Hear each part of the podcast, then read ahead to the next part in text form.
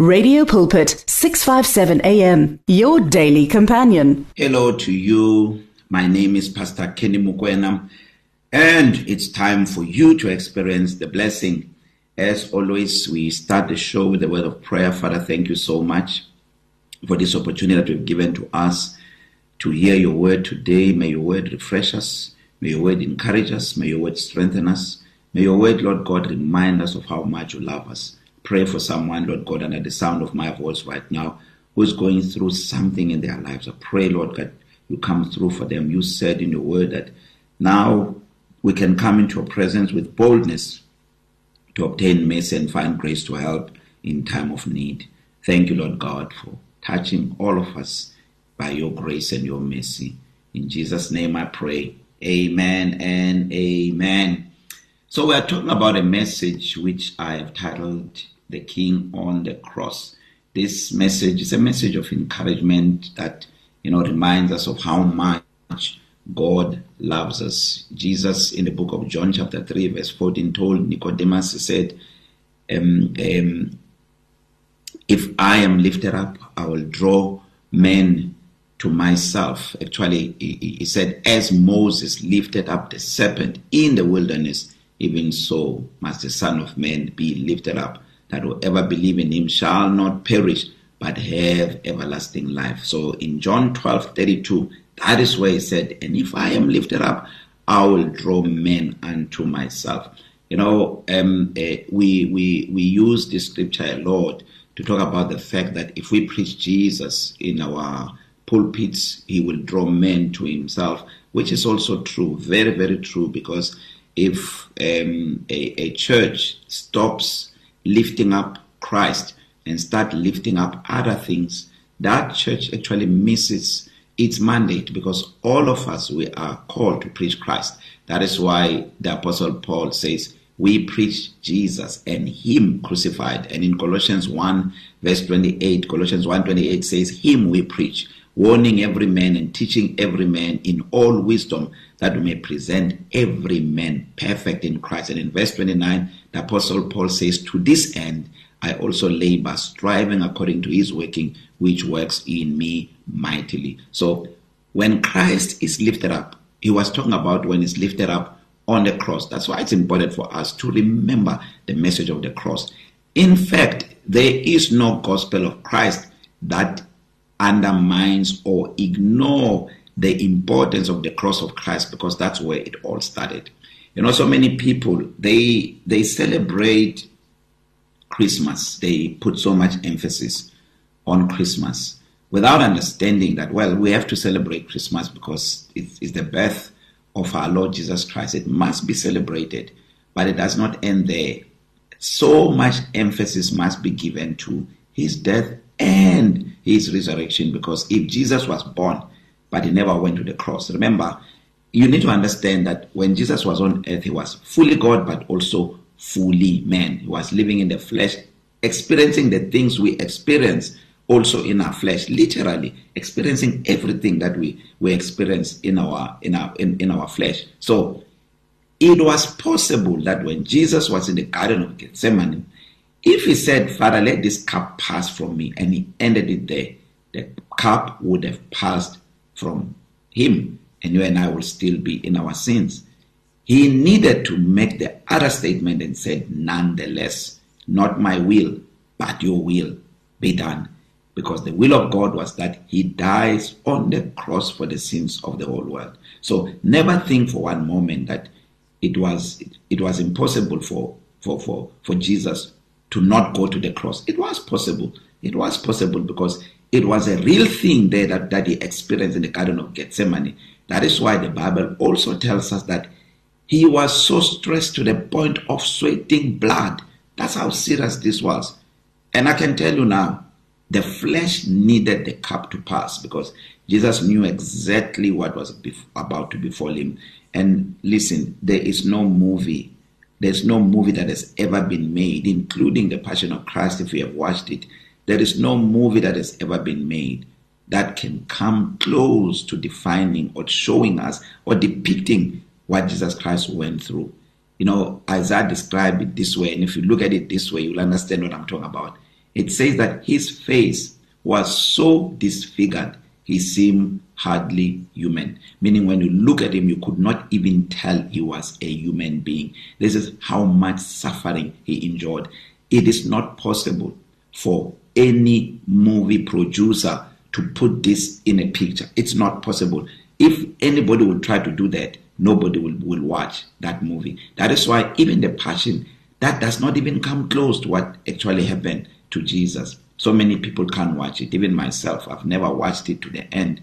I struggle to watch it like literally because you know I'm I'm very sensitive to blood to pain to you know looking at people suffering and so on. So I have not watched the whole movie. I've I've, I've watched portions of it and so on but watching it from the beginning to the end I have not I have not done that. So imagine if anybody tries to make a movie that depicts what Isaiah said when he said his face was so disfigured he seemed hardly human. You could not recognize that he was he was a human being. So this is the king on the cross. So what he went through um uh, in the garden of Gethsemane was so so real. And that is why it's important for us to have the revelation of these things so that when we see the king on the cross we have a deeper revelation of what it means what the cross of Christ means. It is our gateway to eternal life. The cross of Christ is our gateway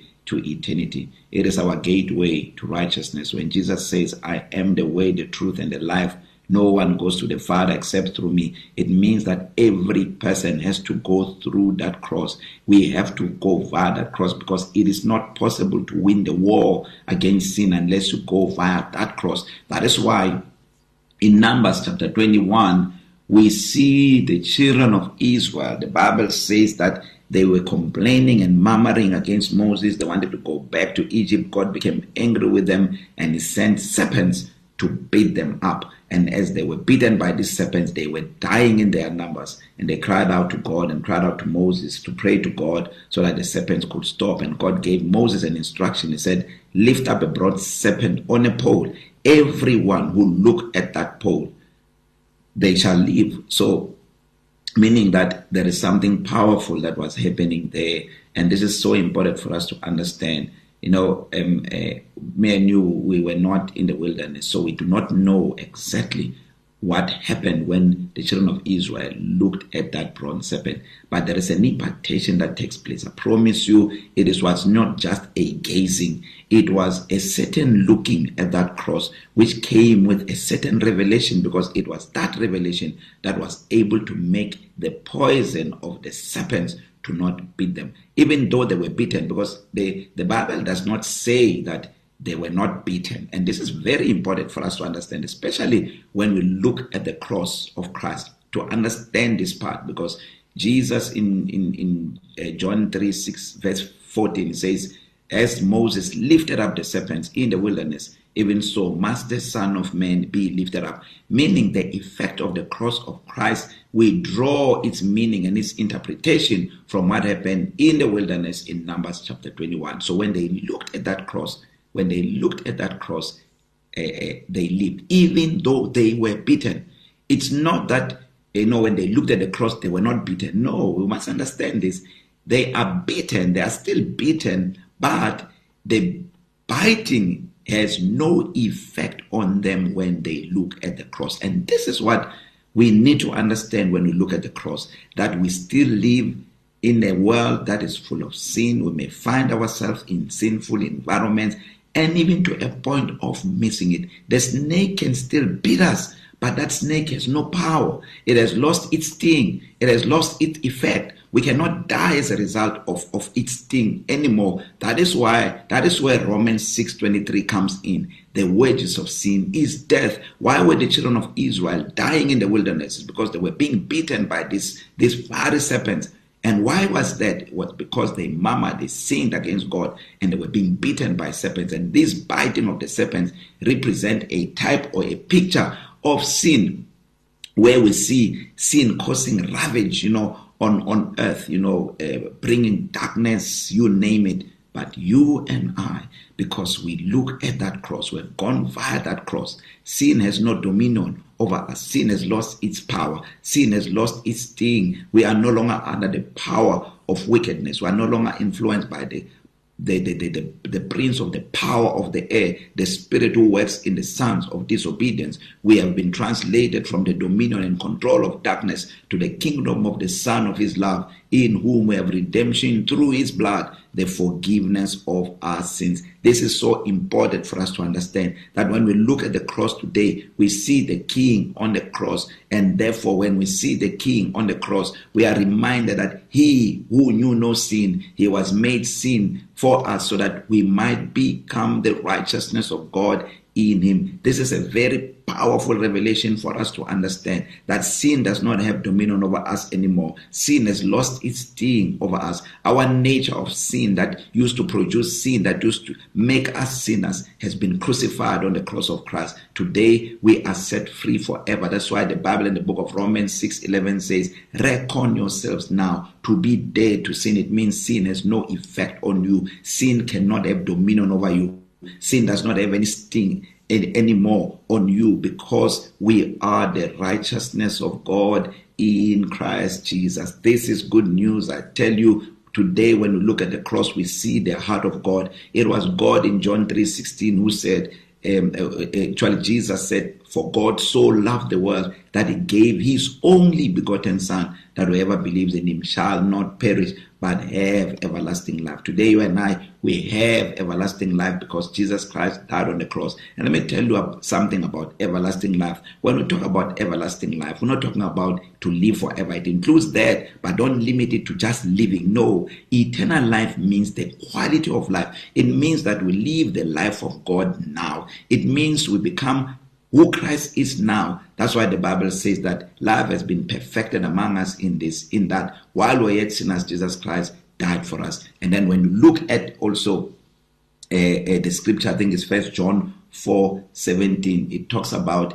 um, uh, uh, we, we, we will have boldness in the day of judgment because as Christ is, so are we in this world. Love has been made perfect among us that we may have boldness in the day of judgment. As Christ is, so are we in this world. So are we now in this world, not later, but now. So when we talk about eternal life, we talk about experiencing the life of God right now. Remember Colossians chapter 3 talks about that since we have you know uh, um, died with Christ, we must set our minds on things above, not on the things of this earth. Since we have been made alive with Christ, we must set our minds on things above, not on the things of this life, for we have died. Our life is now hidden with Christ in God. And says, When Christ, who is our life, appear, we shall appear with him in the splendor of his glory. This is good news. So we are being reminded that when we look at the cross,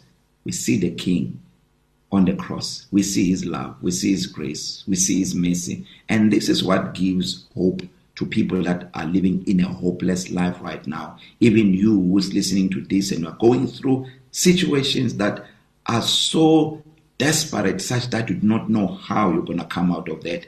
Look at Joseph when he was in the pit, a type of Jesus Christ, you know, on, on, on in the heart of earth.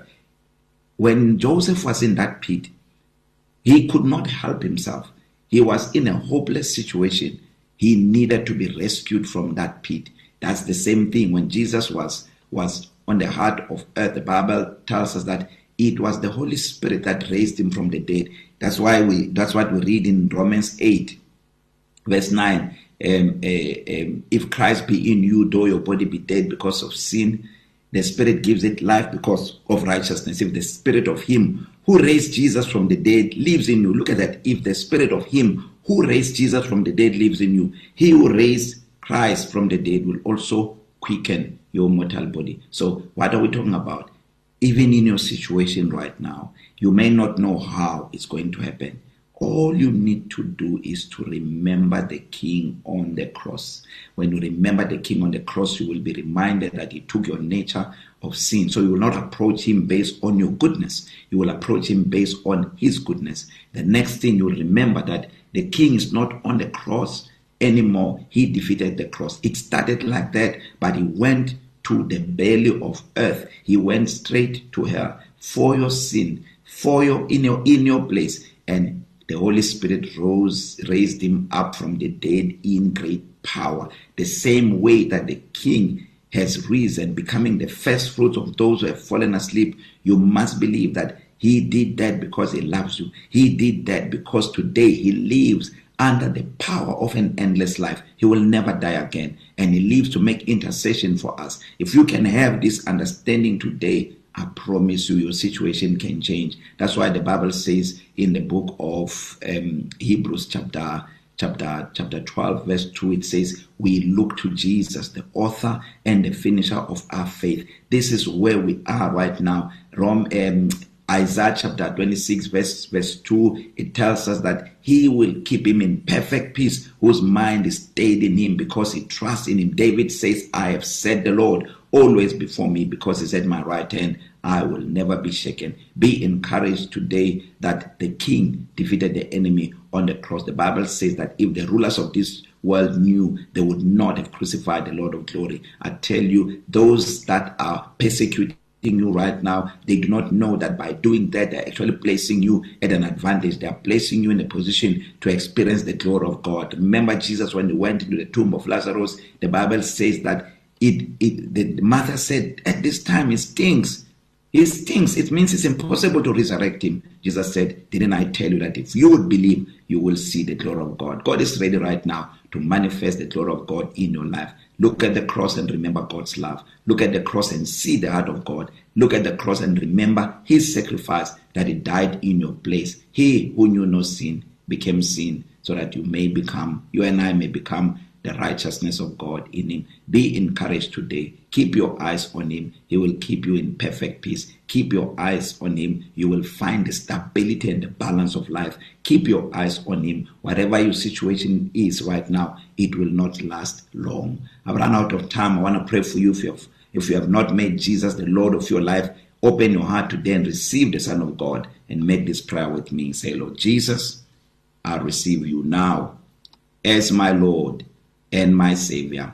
Amen and amen. If you made that prayer, you are born again. You are my brother. You are my sister. I will see you in heaven. I love you so much. Have a wonderful, wonderful, wonderful day today and the week ahead. I bless you and may you experience the goodness of the Lord every moment of every day. God bless. Share the love, share the truth, share the life on 657 AM. Radio Pulpit understands that praying alone isn't always easy. So, join us to form a chain of prayer for you and with you. To do so, send in your prayer requests on 0674297564. That is 0674297564 or alternatively email us on prayer at radiopulpit.co.za. That is prayer at radiopulpit.co.za. In today's rush world, there is limited time for yourself. Your cell phone, however, is with you all the time. So why not use it? Visit our Radio Pulpit website with your cell phone and restore your soul. There you can find out more about Radio Pulpit. Download the Bible to your cell phone, read Word for Today, and you can listen to us online. Just visit www.radiopulpit.co.za. Especially developed for your cell phone. Radio Pulpit, your daily companion. You and 657 AM and life, a winning team on the road to eternity.